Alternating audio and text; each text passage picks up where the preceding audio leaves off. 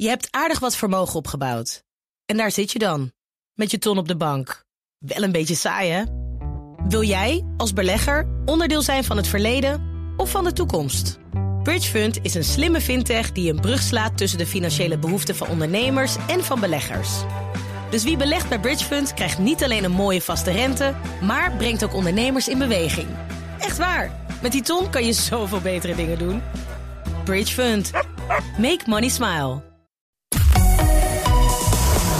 BNR Nieuwsradio. The Big Five. Diana Matroos. Welkom bij BNR's Big Five van de macht van tech. Een discussie die sinds de release van de documentaire The Social Dilemma op Netflix weer helemaal is opgeleid. Sociale media zijn verslavend, bezorgen ons gezondheidsproblemen en zijn een gevaar voor de democratie. Nu de techmakers van het eerste uur kritisch zijn op wat ze ooit zelf hebben gecreëerd, is de vraag: gaat het nu allemaal anders worden? En hoe houden we het goede van technologie voor de wereld vast? Daarover praat ik deze week met de hoofdrolspelers. En mijn eerste gast is Jasper Hauser. Hij werkte vijf jaar lang als designmanager voor Facebook in Silicon Valley. Kent de grote jongens als Mark Zuckerberg persoonlijk en is intussen succesvol tech-ondernemer in Amsterdam. Jasper, van harte welkom. Goedemorgen, dankjewel. Denk je wel eens terug aan die tijd dat jullie als techgoden werden neergezet? Uh, het was een vreemde periode. Uh, ik heb daar van 2011 tot 2016 gezeten. En dat was echt in de periode dat het inderdaad uh, net hip en een soort van populair aan het worden was om in tech te werken. voor context, 2011, dat, toen was de mobiele telefoon nog niet eens echt zo populair. Die, die waren er net. iedereen zat nog vrolijk te Facebooken op zijn computer thuis. Ja. nou, de wereld ziet er nu heel erg anders uit. En ja, toen, toen, toen toen was ook de Social Network, die film, was net uitgekomen. Dus het was heel erg nieuw om populair te zijn in tech. Uh, dus to, echt goden voelen, dat, dat was niet zo. Wat natuurlijk wel zo was, is dat je producten maakte en de cijfers zag dat gewoon honderden miljoenen en miljarden mensen je producten gebruiken. Maar ik moet, moet eerlijk zeggen, dat, dat zijn zulke abstracte cijfers dat ook als je daar zit. helemaal niet door uh, op dat moment. Is heel, dat is heel moeilijk als mensen zijnde om dat uh, zeg maar te internaliseren. Dat is niet hoe we geëvolutioneerd zijn om, om, om dat te kunnen behandelen hapstukken. Nee, maar je moest wel heel hard lachen. Ja, dat zegt mij dan toch iets. Wat, wat is die lach? Um, nou ja, het is natuurlijk heel onwerkelijk om, om op zo'n plek te werken en een product te maken dat zoveel mensen gebruikten. Het Ja. is heel onwerkelijk en ook echt heel erg interessant en leuk en ontzettend veel slimme mensen. Dus in die zin echt fantastisch eh, interessant en leuk, veel geleerd. Ja. Ja, en als je dan nu kijkt eh, naar Mark Zuckerberg, als hij dus eh, in die Amerikaanse hoorzittingen rondom tech zit. Oh, ja. Ja, wat, wat, dat is zo anders dan, dan die begintijd. Ja, moet je weer lachen. Ja, ik, ik, het is meer voor mij dat. eh, eh, ehm, ik ken Mark goed en eh, niet, een, niet een dichte vriend, maar wel iemand met wie ik jaren samen persoonlijk heb samengewerkt. En dus ik weet ook dat hij daar heel ongemakkelijk zit, eigenlijk niet zou willen zitten. Dat dit allemaal nooit zijn intentie is geweest. En dat hij enorm zijn best doet om zeg maar, de verantwoording te dragen die hij natuurlijk heeft. Maar ik zie in alles dat, dat dat gewoon ontzettend moeilijk voor hem is. Ja, want wat is die moeilijkheid? Want jij kent hem, wat, waar worstelt hij nu mee dan? Nou ja, kijk, de, de, nogmaals, het gaat vooral over de intentie. De intentie is nooit geweest om iets te maken dat deze impact, of in negatieve zin dan heeft gehad op de maatschappij eh, en de risico's die het met zich draagt. Dat is nooit de intentie geweest. De intentie is altijd heel oprecht geweest om een, iets te maken waar mensen echt wat aan hadden, wat de samenleving dichterbij zou brengen. Echt. Ga terug naar de statements van de beginjaren en dan zul je dat terugzien. Um, maar ja, weet je, weet je dit, dit, dit gaat echt allemaal over die, die onvoorziene consequenties. En, en wat er nu allemaal staat en wat er misgaat, gaat echt over die onvoorziene consequenties. Waarin je, als je terugkijkt, kunt zeggen: ja, Ja. natuurlijk. En dan, maar als je dat er toen in zat. Ja, was het allemaal niet zo evident. Nee, en voel je dan ook zelf een beetje aangeschoten wild? En is het spannend dan om, om daarover te praten? Nee, nee, ik, ik, daar ben ik. Uh, nee, zo zie ik dat niet. Ik, uh, ik vind het juist heel erg belangrijk dat we die discussie open en direct hebben. Omdat dat de enige manier voorwaarts is om uit te vogelen wat we hiermee moeten doen. Om te, uh, ja, te bedenken met z'n allen van wat vinden we hiervan? Wat, wat is er goed aan, wat is er slecht aan? En hoe nemen we een stap voorwaarts? Maar echt lekker is het niet als je dus kijkt. Het is ongemakkelijk. Hoe, ja, ja, ja, Neem me mee in dat ongemak. Wat is het ongemak voor jou? Um, nou ja, het ongemak is, is natuurlijk die onvoorziene consequenties. Hè. De vraag namelijk Uh, is het proces, is de manier waarop we producten ontwikkelen, is dat wel zo doordacht als dat het had moeten zijn? En ik denk dat het antwoord daar heel eerlijk op is: nee, dat is niet zo. En daar kunnen we natuurlijk zelf ook verantwoordelijkheid over dragen en zeggen van ja, misschien moeten we dat beter doen. Uh, dus dat is waar de industrie echt heel erg mee bezig is. Uh, niet alleen zeg maar puur alleen maar naar cijfers kijken en puur en alleen maar naar, naar geld kijken, maar ook naar, naar mensen. Ik zit zelf in design, dus bij ons zit dat veel meer in de kern. Dus de designorganisatie was en is binnen dat soort bedrijven over het algemeen het meest kritisch als het over kwaliteits- of menselijke aspecten komt. Uh, maar goed, zo'n bedrijf draait natuurlijk gewoon, ja, is ook een economisch systeem. En, en, en daar, daarin spelen sommige andere af, uh, afwegingen. Ja, en dat is dus de worsteling. Ja. Uh, het komende uur gaan we ook onderzoeken. Jij ja. gaat mij een beetje aan de hand nemen. Want ik, ik, voor mij is het toch nog een beetje een black box. Ik bedoel, ik weet heel veel door wat ik lees en wat ik heb gezien. Maar het echt tastbaar maken vind ik nog lastig. Maar dat gaan we samen doen. We gaan ook over die oplossingen praten. Maar misschien toch nog even helder maken wie jij bent in dit uh, verhaal. En wat je allemaal in die techwereld doet. Uh, dit jaar won je een Apple Design Award voor de foto- en videobewerkingsapp Darkroom. Ja. Je zei het al eventjes, je bent designer van huis uit. En een opvallend uh, product waar je de afgelopen tijd aan hebt gewerkt. Dat is de corona-app. Ja, dat was wel heel bijzonder om daar aan mee te mogen participeren. Ja. Wat was de ultieme uitdaging als het gaat op het, op, op het designvlak? Um, nou, gewoon überhaupt in de, in, in de kern van het product was natuurlijk dat het voor zoveel mogelijk mensen van toepassing moest zijn. Um, als mensen de keuze maakten om hem te gebruiken. Uh, dus het mocht geen horde in het product zelf zijn dat mensen het gedownload hadden en dat ze dan dachten, nou, ik doe het toch niet of ik snap het niet. Dus het moest echt 100% kristalhelder zijn. En natuurlijk gewoon de privacy en security moest 100% gegarandeerd zijn. Wat natuurlijk ongelooflijk moeilijk is. En dan zijn we heel dicht tegen, de, tegen in de buurt gekomen. En hier is het dus ook, neem ik aan, zo mensen verleiden om zo lang mogelijk in die app te blijven? Nee, het is vooral. Nee, het heeft niks met. Nou ja, natuurlijk in zekere zin wel met verleiden te maken. Maar het heeft gewoon vooral uh, betekend dat we alles zo helder mogelijk uitleggen. Zodat op het moment dat mensen de app gebruiken, ze echt met, met, met vol begrip uh, toestemming geven om deze app te gebruiken. En de overheid toestemming te geven om bepaalde dingen te doen. In 2011 tot en met 2016 werkte je voor Facebook in Silicon Valley. Je was ja. daar design manager, werkte dus ook met Mark Zuckerberg samen. Dus in die zin ken je hem uh, persoonlijk. Wat, wat, waar, wat heb jij precies gedaan in die tijd? Wat is jouw belangrijkste wapenfeit? Um, ik, dan het laatste grootste wapenfeit is dat ik uh, drie jaar op uh, Facebook Events heb gewerkt. Wat voor mij heel bijzonder was, omdat het natuurlijk een van de weinige Facebook-producten is die mensen echt samenbrengt in de fysieke wereld.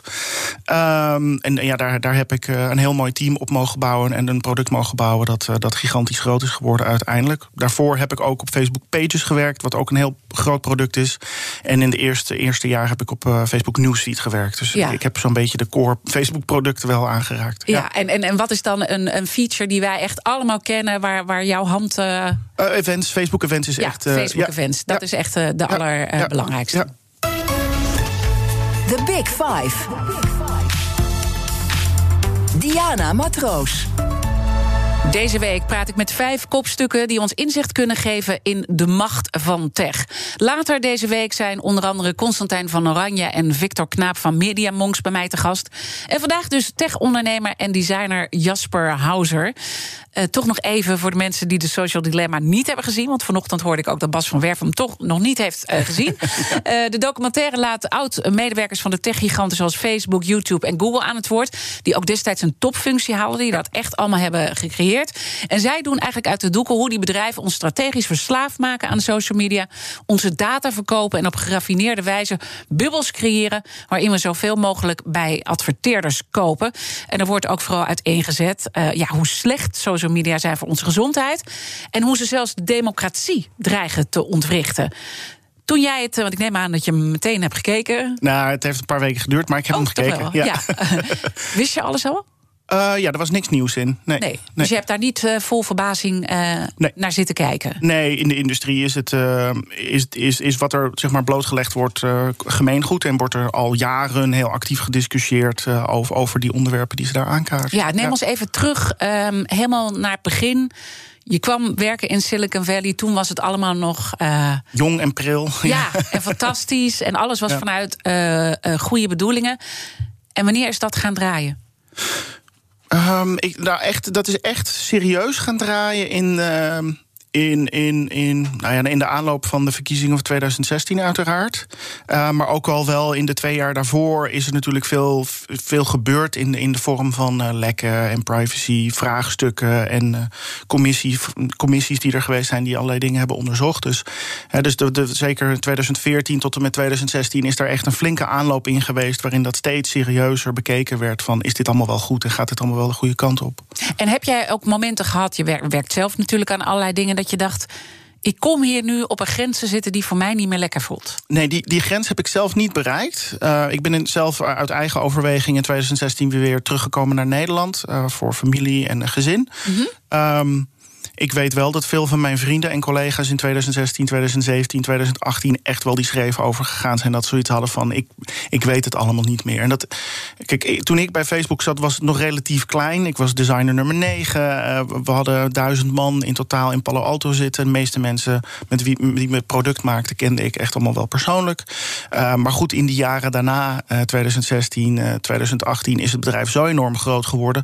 dat het natuurlijk ook, ook een situatie was waarin heel veel mensen binnen het bedrijf en ook geen inzicht meer hadden in wat andere teams allemaal deden. Dus ik heb nog echt in de periode gewerkt dat ik ook voor een groot gedeelte overzicht had over wat er allemaal binnen het bedrijf gebeurde. Maar daarna is dat natuurlijk ook echt. Uh... Anders geworden. Ja. En als je dan terugkijkt, zijn er niet dingen waar je aan hebt gewerkt? Hè? Want je kan het op dat moment niet voelen. Maar als je nu ja. met alle kennis terugkijkt, dat je misschien denkt: dat, dat, dat was eigenlijk al over de grens. Nee, gelukkig niet. Daar, daar heb ik persoonlijk nooit gehad. En, en daar heb ik voor mezelf ook wel altijd een regel in, in gehad. Uh, dat ik dat nooit zou doen. Ja. Uh, maar dat, dat gevoel heb ik gelukkig zelf nooit gehad toen ik daar werkte. Nee, nee. maar je, je beschrijft dus wel vrienden. Want ja. die, die mensen die jij in de Social Dilemma ziet voorbij komen, die ken jij ook allemaal? Ik ken er een paar van, ja. Een paar.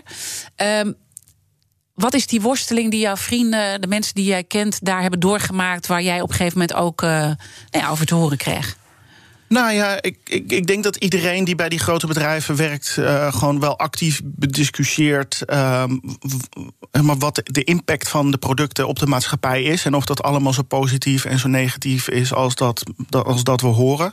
En binnen, binnen zo'n bedrijf hoor je natuurlijk overwegend positieve aspecten daarvan. Dat is inherent. Want je zit in een bubbel ja, met elkaar. Tuurlijk, je zit in een bubbel. Uh, en ook de bedrijven zelf doen veel onderzoek om uit te lichten van hoe gaat dat nou, wat is de impact op de maatschappij.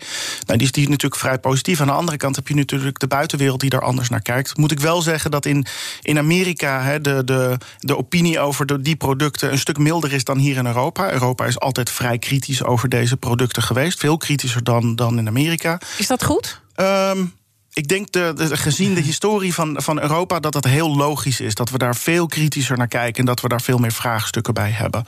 Je zegt logisch, maar waarom zeg je nou, meer, niet meer... van het is niet goed? Want ik bedoel, dan, uh, als, als Amerika in het begin zo misschien ook kritischer was geweest, hadden we niet gestaan waar we nu staan. Nee, dat is waar. Nou, ik, ik bedoel het meer vanuit zeg maar, historisch perspectief van de Tweede Wereldoorlog en de angst over zeg maar, iemand die heel veel ja. macht heeft. Dat een gecentraliseerde macht. Dat kan natuurlijk uit de hand lopen.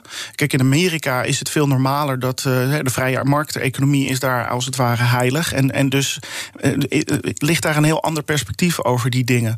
Um, en dus, weet je wel, als je daar, als je daar werkt, um, heb, heb je het hierover. En voel je natuurlijk wel die tweestrijd tussen de buitenwereld die een bepaald perspectief heeft. en het bedrijf intern die een bepaald perspectief heeft. En in de afgelopen jaren is dat contrast steeds groter geworden. En geef eens voorbeelden van, van mensen die je sprak, die echt wel daar openlijk mee worstelden. Waar ging dat dan over? Nou ja, het, het, ging dan over de rol die Facebook bijvoorbeeld heeft gehad in de, in de, in de, de verkiezingen in 2016. En uh, het, het heel lang af hebben houden van de, de, de verantwoording nemen over wat daar gebeurd is.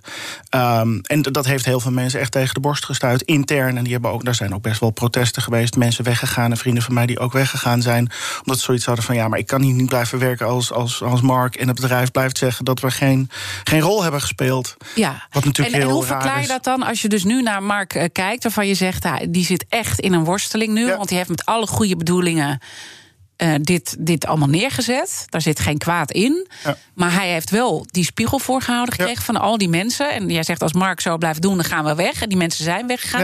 Hij heeft dus niet geluisterd, denk ik dan. Jawel, ik denk dat daar gewoon alleen een, ja, meer, een, meer een ander perspectief is. En dat is namelijk, um, uh, je kan wel dingen zeggen... maar dat wil nog niet zeggen dat dat waar is.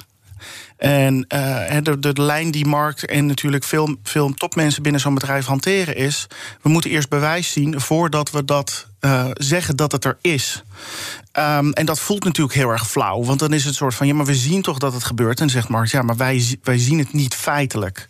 En dat is natuurlijk de lijn die hij getrokken heeft. Die, die vanuit een soort van moreel perspectief ook een beetje discutabel is. Van moet je het wel zo hard stellen? En dat is natuurlijk een juridische manier om ermee om te gaan.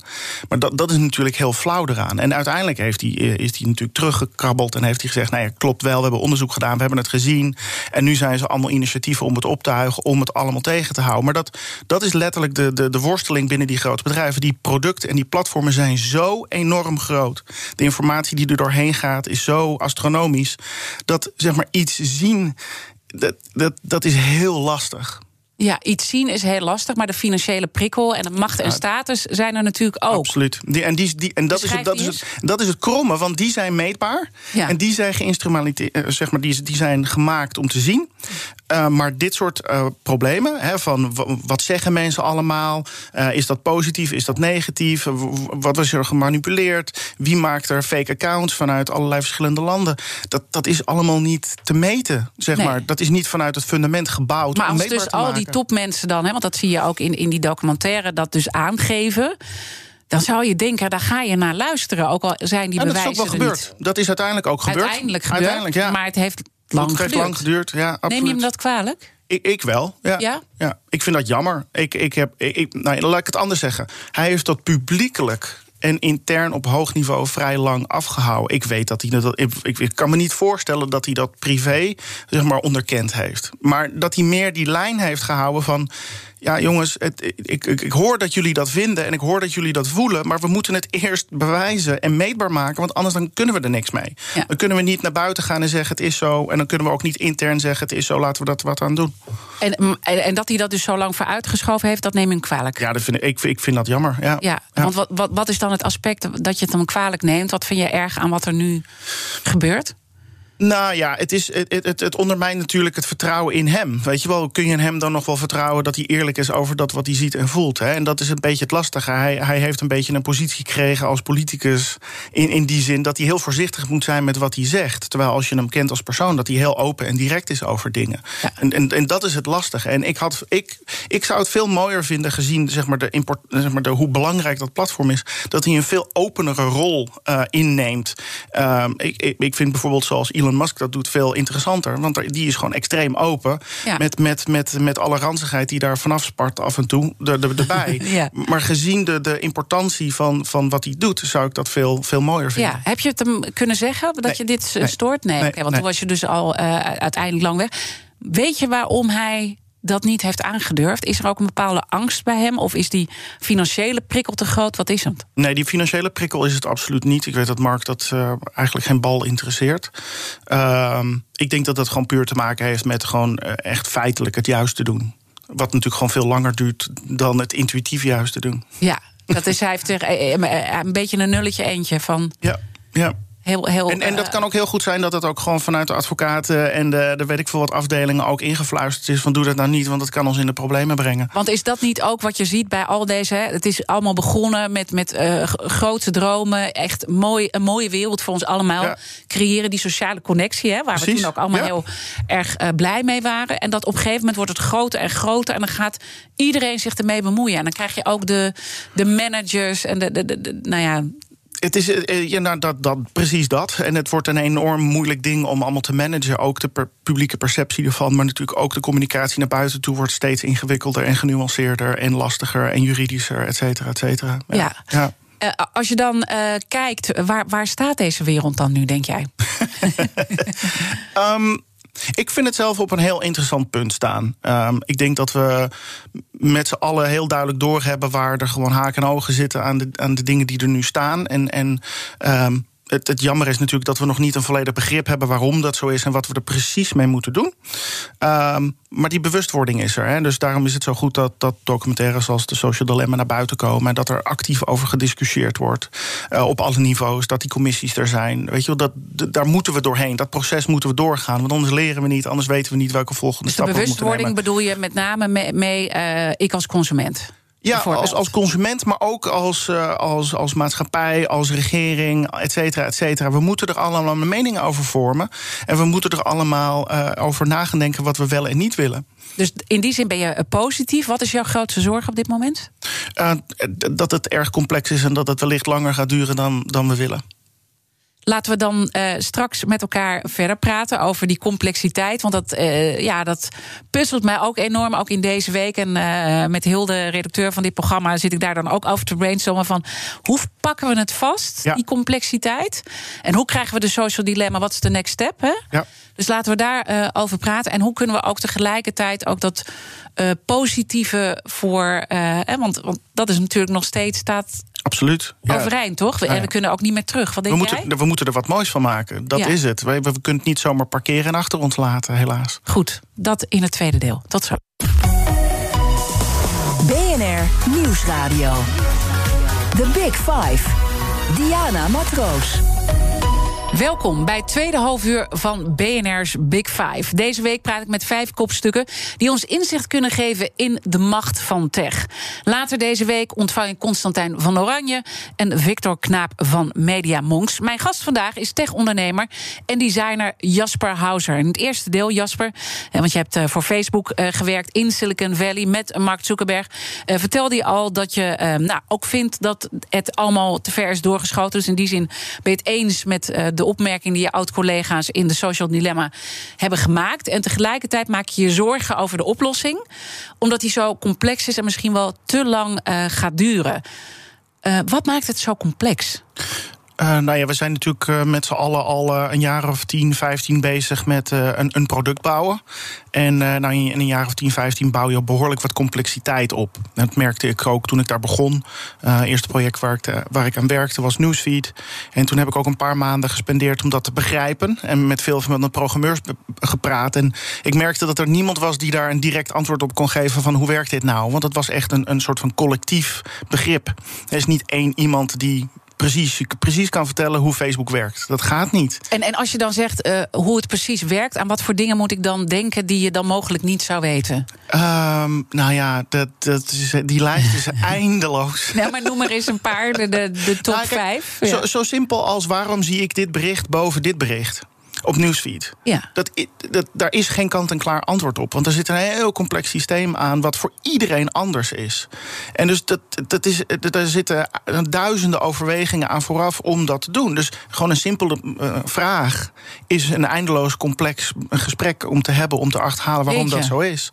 Nou, en dan, dat, is dat, dat is één aspect daarvan. En dat gaat ook over welke je vrienden je gesuggereerd krijgt... Uh, waarom je deze notificatie over e-mail krijgt... in plaats van een push-notificatie. Het, het, zit overal in. En, ja. en, en dus eigenlijk als slimme koppen, want zo zie ik jullie dan in die wereld, slimme techkoppen, weten jullie zelf eigenlijk niet meer hoe die algoritmes je kunt het werken. Niet, je kunt het als individu niet overzien. Hè. Dus het is echt een extreme teamsport. Hè. Je, je vertrouwt enorm op iedereen die er om je heen zit en alle teams die er om, om, om je heen zitten om het allemaal werkend te krijgen. En dus is, het, is, de, is de drempel om daar binnen te komen en dingen te begrijpen ook extreem hoog. Want het duurt ook echt een jaar of drie voordat je begrijpt überhaupt wat er aan de hand is en wat de algemene patronen zijn. En hoe praat je daar nu, nu zelf dan over met mensen? Want je bent intussen weg uit Silicon Valley, maar Ja. je bent hier natuurlijk ook tech-ondernemer. Ja. Ehm, hoe bedoel je precies? Nou, over die complexiteit. Want je zegt het is een teamding en we, we, we moeten het zelf eigenlijk nog. Ik vind dat trouwens wel bijna zorgelijk. Ik wil niet nu een soort heel down Ja, nee, gevoel bij iedereen Ja, creëren. maar dat is het ook. Maar, maar, maar dat is natuurlijk ook de complexiteit. Kijk, ehm, als het allemaal zo eenvoudig was, hadden we het allemaal opgelost. En dat is niet gebeurd. Ja. En, eh, dus, en dat is gewoon een consequentie van het feit dat één, het natuurlijk een soort van uh, mammoetanker is die een bepaald momentum heeft. Mhm. En waarvan we zeggen, kan je het niet even ombuigen?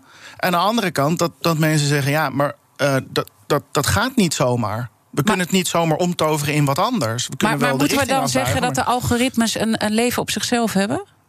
Ehm, in, in zekere zin, ja. Ik bedoel, het is natuurlijk wel helemaal hyper geoptimaliseerd binnen een bepaalde context. En dat even aanpassen en even aanbuigen is heel anders. Want er zit natuurlijk ook gewoon, weet je wel, eh, eh, om, om, om, om, ehm, zeg maar, een manier waarop ik erover nadenk is. Kijk, Facebook is een, een resultaat van datgene wat er mag binnen de wet en binnen het vrije markteconomie. Dus niet niets aan wat ze doen mag niet. Nee. Eh, Dus is het ook heel lastig om dan aan zo'n partij te, te vragen: van, kun je dat niet even veranderen? ja, dat is allemaal hyper geoptimaliseerd over 15 jaar om zo effectief te zijn. En dan kun je je, af, je, kun je afvragen: kan dat? Is dat haalbaar? En willen we dat überhaupt? Ja, en daar gaan we zeker over praten. Maar wat, ik, ik ben nog steeds een beetje in shock dat jullie eigenlijk zelf niet meer weten hoe dat algoritme als precies werkt. Als individu niet, maar als groep wel natuurlijk. Nee, maar je, maar je zegt als groep duurt dat dus heel lang. Uh, uh, en intussen ben je met allerlei andere dingen bezig. Dus ja, uh, er moeten ook allemaal dingen gefixt worden. En dan gaat het weer over. Want wat voor doelstellingen krijg, kreeg jij mee en wat krijgen mensen nu mee? Nou, die, waren, die waren natuurlijk vrij klein. Hè? Je focust je op één feature, op één product of één aspect ervan. En dat probeerde je zeg maar, beter te maken ten aanzien van de doelen die je stelde. Die mhm. over het algemeen echt wel vanuit de consument eh, beredeneerd waren. Tenzij je natuurlijk op de afdeling van advertenties werkt, dan is, die, dan is je hoofddoel natuurlijk dat, dat zo groot mogelijk maken. Um, maar uiteindelijk is zeg maar, relevantie voor de consument, voor iedereen zeg maar, eh, het belangrijkste. Dus als op nieuwsfeed werkte, was dat ja, maak, maak dat wat mensen zien zo relevant mogelijk. Ja, en zorg dat ze zo lang mogelijk erop blijven. Niet zozeer zo lang mogelijk hoor. Oké, want dat zag je in de social dilemma natuurlijk uh, wel het voorbij is, komen. Er is absoluut een periode in geweest waarin dat gewoon echt heel erg belangrijk was. Inmiddels is dat intern niet meer zo. Gaat het echt over zeg maar quality time spent. Mhm. waarvan je nog steeds kan bediscussiëren... is dat allemaal wel zo goed als dat ze zeggen. Um, maar het gaat zeker niet meer over zo lang mogelijk. Maar goed, dus, ja, dat, Is, dat is wel het effect. Oké, en, en dus komen we ook een beetje richting de oplossingen wat te doen. Hoe complex het is, dat heb je wel. Uh, ik moet daar echt nog even over nadenken. Uh, onze gasten stellen elkaar kettingvragen. Misschien weet je het. Afgelopen vrijdag was Pieter Nel Leeveld uh, van de KNMI te gast. Bij mijn collega Art Rooijakkers. Die had een ander thema, de Big Five van de ruimtevaart. Ja. En Pieter Nel had deze vraag voor jou. Ik wil hem eigenlijk iets vragen wat bij een van de Lubach-uitzendingen eh, op de kaart werd gezet. En dat is het gebruik van alle data mining technieken. Dat noemen we artificial intelligence. Die technieken die beginnen wij nu ook te gebruiken in de ruimtevaart, steeds mhm. meer. Maar het is een van de redenen uh, waardoor mensen steeds meer in hun eigen bubbel leven. Alleen maar informatie krijgen op hun uh, eigen manier van denken. Het is natuurlijk heel belangrijk om ook naar de oorzaak te kijken van dit geheel. En ik ben heel benieuwd naar zijn mening over over hoe, uh, of hij vindt dat dit soort bedrijven iets moeten gaan doen aan die algoritmes die zij ontwikkelen, waardoor mensen steeds meer alleen hun eigen uh, beeld bevestigd krijgen. Ja, ik vind dat heel belangrijk. Dat is een van de dingen waar ik altijd al een, een sterke mening over gehad heb. Dat ik, dat ik juist vind dat, dat je diversiteit van mening en opinie moet vergaren om, om dingen beter te begrijpen. Maar goed, dat is, dat is mijn persoonlijke visie op de wereld. Ja. Um, dus je zegt ja, de techsector moet met die oplossingen ik vind dat komen. Wel, ja, ik vind dat echt wel een, een, heel belangrijk aspect. Nou weet ik ook dat daar echt hard aan gewerkt wordt. Maar daar, daar zit natuurlijk een, een, een heel erg fundament aan. En dat is namelijk, eh, om, om een Amerikaans voorbeeld te geven... als ik democraat ben, wil ik überhaupt wel republikeinse berichten zien? Ja. En daarin is gewoon het feit, dat die, al die sociale netwerken, om het een beetje plat te zeggen, zijn niks anders dan een hele grote spiegel. Het gevaar is natuurlijk dat daar nog achter nog een spiegel staat, dat je een enorme feedbackloop krijgt. Maar het is niks anders dan zeg maar, uitvergroten dan, van dat wat er al is. En er zijn er gewoon heel veel mensen die dat niet willen. dus Facebook doet dat wel. Als jij uh, Obama likte toen er tijd, mhm. dan werd daarna ook gesuggereerd: misschien moet je een, een republikeinse. dus het zit ook in onszelf? Het zit ook in onszelf, ja. Ja. ja. En oké, dus dus dat is een, een, een, interessant aspect om over door te praten. Maar wat ik me ook zit af te vragen, want het is natuurlijk ook die financiële uh, prikkel. waarvan je zegt dat zit niet in de persoon Mark Zuckerberg. Want uh, het interesseert hem geen moer. En laten we hem ook even breed trekken. Want het is niet alleen Facebook, het is ook Google, het is ook Amazon. Het zijn heel veel van die ja. techpartijen. Intussen zijn het zulke grote bedrijven geworden. die leven wel van die financiële prikkel natuurlijk. totaal. En kan Zuckerberg, hoe graag hij dan ook zou willen, nog beslissen om minder commercieel te zijn. Uh, en naar andere verdienmodellen te gaan? Of zit hij gewoon ook vast? Andere verdienmodellen niet, maar de beslissing om minder commercie te. Ja, absoluut. Hè. Dat, dat hebben ze een aantal jaar geleden hebben ze al gezegd: we gaan over naar quality time spent. Toen hebben ze daarna ook echt wel een dip gezien in uh, de, zeg maar de omzet.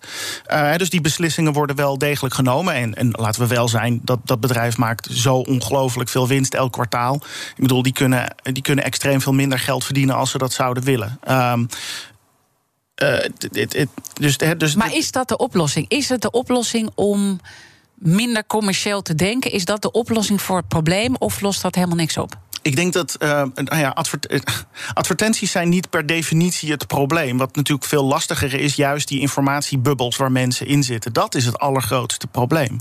Kijk, advertenties die, die, die werken of die werken niet. En advertenties hebben een relevantie of hebben niet een relevantie. En dat was trouwens ook in de oude wereld zo. Dat was in de, dus, precies. Dat oude media ik soms ook een beetje dat mensen in één keer in een stress over raken. Precies. Dat, dat, dat model bestaat al extreem lang. Ja. Um, ook daar is dat natuurlijk wel eens problematisch geweest. Wat natuurlijk lastig is hieraan is dat, dat niemand die advertenties bekijkt en, en, en checkt of die wel correct zijn of niet correct zijn. Hè. Mhm. Uh, binnen de klassieke media is dat natuurlijk voor een groot gedeelte wel zo. Daar, daar zijn commissies die dat allemaal in de gaten Zeker, houden. Social media is de schaal te groot. Ja. Um, dus daar zit echt een probleem van um, hoe, hoe, gaan we om met de kwaliteit en de inhoud van datgene wat er allemaal daarin omspeelt. Uh, dus dat, dat is extreem, extreem lastig daaraan. En als je dan al die problemen bij elkaar in richting de oplossingen durft te denken, moet je dat dan wel, uh, want je zei ja, de techsector moet dat oplossen. Is het wel aan de techsector om dat op te lossen of kunnen ze dat eigenlijk helemaal niet? Nou, zeg maar, waar, waar ik zeg maar, het fundamentele lastige vind, is: kijk, die bedrijven die werken binnen de, de, de, de lijnen die ze, die ze toebedeeld zijn. En, en, die, en die, die vangrails, dat, dat, weet je, dat is gewoon wat er juridisch mag, wat er wettelijk mag. En wat er binnen de vrije economie mag. Dat zijn, effectief gezien, is dat zeg maar, hoe bedrijven zich uiteindelijk uh, succesvol maken. Om binnen die, binnen die lijnen zo, zo ver te gaan als dat ze kunnen. Ja. Nou ja, dat is het resultaat. Um, en, en dan, dus dan kun je je afvragen van. Uh, dan kunnen wij als maatschappij wel zeggen. Nou, we vinden eigenlijk dat het niet zo goed is. Uh, maar het mag allemaal wel. En dat betekent dan voor mij in ieder geval dat er dus ook wat incorrect is aan de regels die gesteld zijn. En die zijn lastig, want dat zijn niet, vaak niet wettelijke of, of, of, of, uh, of economische regels die overschreden worden. Maar het zijn meer de ethisch-morele, waarvan we denken van. Ja, ik vind het eigenlijk niet zo fijn dat mijn kind zes uur achter dat ding zit. Hoe doe je dit met je eigen kinderen? Niet. Hoe oud zijn die? Uh, vier en zeven. Uh, ze, ze, mogen op de iPad, uh, maar het is echt alleen om filmpjes te kijken. Uh, niet om andere dingen te doen. Want waar ben je bang voor als ze er wel op zitten? Nou ja, ik bedoel, ik ben er nu al bang voor dat ze te veel tijd erachter spenderen. En ik weet, omdat ik die dingen natuurlijk ook gemaakt heb, dat het heel makkelijk is dat je daar veel te veel tijd aan gaat, aan gaat spenderen. Ja. ja. Laten we daar dan straks over verder praten. Oh ja. BNR Nieuwsradio. The Big Five. Diana Matroos. Je luistert naar BNR's Big Five van de macht van tech. Mijn gast is tech-ondernemer en designer Jasper Hauser. Hauser werkte jaren in Silicon Valley voor Facebook en vindt ook echt dat de technologie sector uh, zelf ook uh, moet ingrijpen. Maar je legt ook een beetje de bal bij de politiek neer, uh, hoorde ik al. In Amerika, maar ook de Europese Unie willen allebei ingrijpen in de markt. Brussel is misschien wat strakker daarin ook. Wat je eerder al aangaf, de grote spelers aanpakken met wetgeving rondom datagebruik. In welke politieke oplossing geloof je het meest?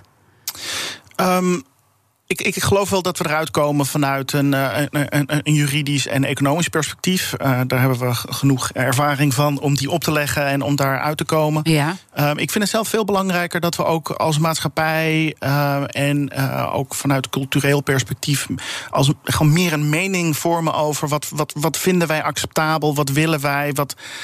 He, Ja. wat, wat willen we daaruit halen, uh, et cetera. Dus de moreel-ethische discussie Ja, die, we veel die, mee... die vind ik veel interessanter. Die is natuurlijk ook veel lastiger. uh, veel, Ja. veel moeilijker om je vinger op te ons leggen. dan, eh, waar moeten we het dan over hebben en wie moet dat doen? Ja, wie? Ik denk dat het antwoord daar is wij, wij allemaal. Uh, en, en dat vind ik zelf een beetje het lastige. Uh, omdat we daar eigenlijk helaas nog geen uh, mooie processen voor hebben liggen. Um, als, als maatschappij. Um, ik ik vind het zelf heel belangrijk, omdat hè, als je kijkt naar autonoom rijden, de auto's en, en alles wat er in de komende 20, 30 jaar allemaal op ons af gaat Slimme komen. steden. Slimme steden, dat dat, dat juist het, het vraagstuk is. Niet zozeer van kan het, mag het, maar meer een soort van willen we dat. En daar, daar moeten we een mening over gaan vormen. En, en natuurlijk onderdeel van innovatie is dat onze eerste reactie is... nee, dat willen we niet, want Mhm. het is verandering. Uh, maar die, die, die hoorde, daar moeten we overheen. Maar dan moeten we wel nadenken over, nou, wat ik al eerder zei... Weet je, die, die onvoorziene consequenties. Wat zijn nou de dingen die we echt, echt, echt niet willen dat er gaat gebeuren? Zoals dat we nu zeggen, we willen echt, echt niet... dat onze kinderen uh, zes, zeven, acht uur per dag achter een uh, Maar zou je daar misschien wel zitten. wetgeving voor kunnen maken... als we zeggen, dit willen we niet, om te zeggen... net zoals dat we een alcoholverbod verbod hebben Ja. onder een bepaalde leeftijd, dat je dat ook op die manier gaat organiseren? Zou Ja, dat een goed, goed idee zijn? wel. Ja, uiteindelijk denk ik dat je die richting op moet gaan denken, inderdaad. Maar we moeten dus eerst dat eh, gesprek voeren. Is het misschien leuk om daar ook, eh, misschien, ik weet niet wat voor vraag je hebt... in verband met de kettingvraag die doorgaat naar morgen... maar techfilosoof Hans Schnitzler is de gast. Wat zou je hem willen vragen? Nou, ik ben, ik ben wel heel benieuwd hoe hij kijkt naar. ehm, ehm, nou, zeg maar, het, het, het voelt voor mij alsof er een belofte is dat de maatschappij, eh, wij mensen, heel genuanceerd over dingen nadenken. Ehm, en ik vraag me af of dat wel zo is. Of, of we überhaupt wel zo genuanceerd zijn. Of dat we eigenlijk gewoon veel, zeg maar, eh, veel zwart-witter zijn dan we eigenlijk denken.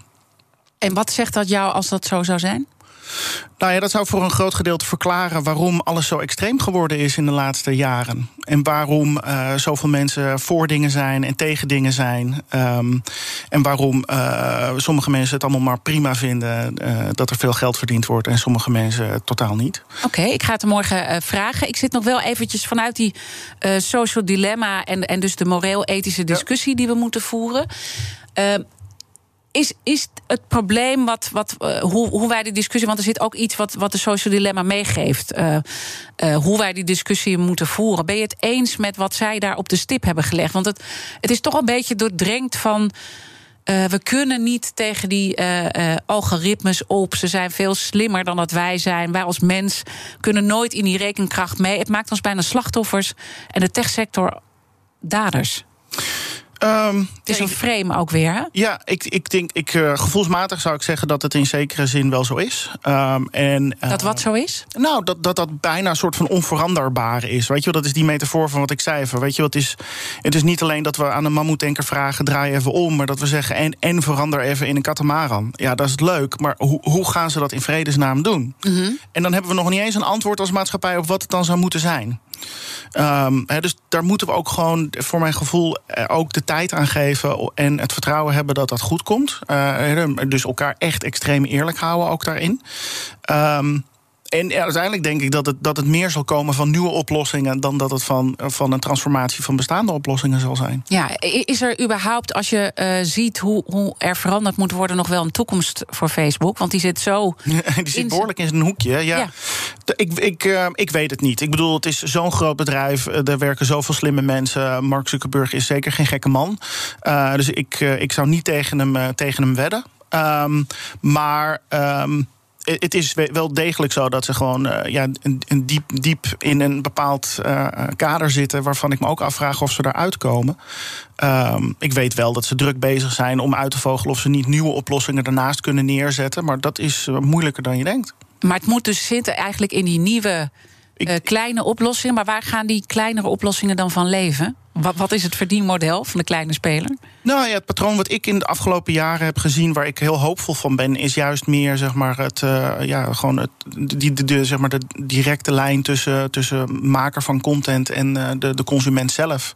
En dus de Patreons, ehm, eh, de Substacks, de, zelfs YouTube die, die paid kanalen aanbiedt, et cetera, et cetera. Dus als een individu neem ik dan een, gewoon persoonlijk een abonnement op BNR en dan, nou, dan krijg ik zo mijn content, klaar. Ja. En daar hoeft dan verder niemand tussen te zitten. Hè. Dus je hebt dan in plaats van de, de centralisatie, zoals we dat de afgelopen weet ik veel, decennia, 100 jaar hebben gehad, wordt het veel decentraler. Dus je hebt een, een individuele connectie met een journalist of met een, eh, eh, een, een partij die een onderwerp eh, Ja. vertegenwoordigt. Ja. Even terug, helemaal naar het begin, die grootste dromen waar het allemaal mee begon. Nou, je hebt duidelijk gemaakt waar we nu staan en wat we als maatschappij met elkaar moeten doen.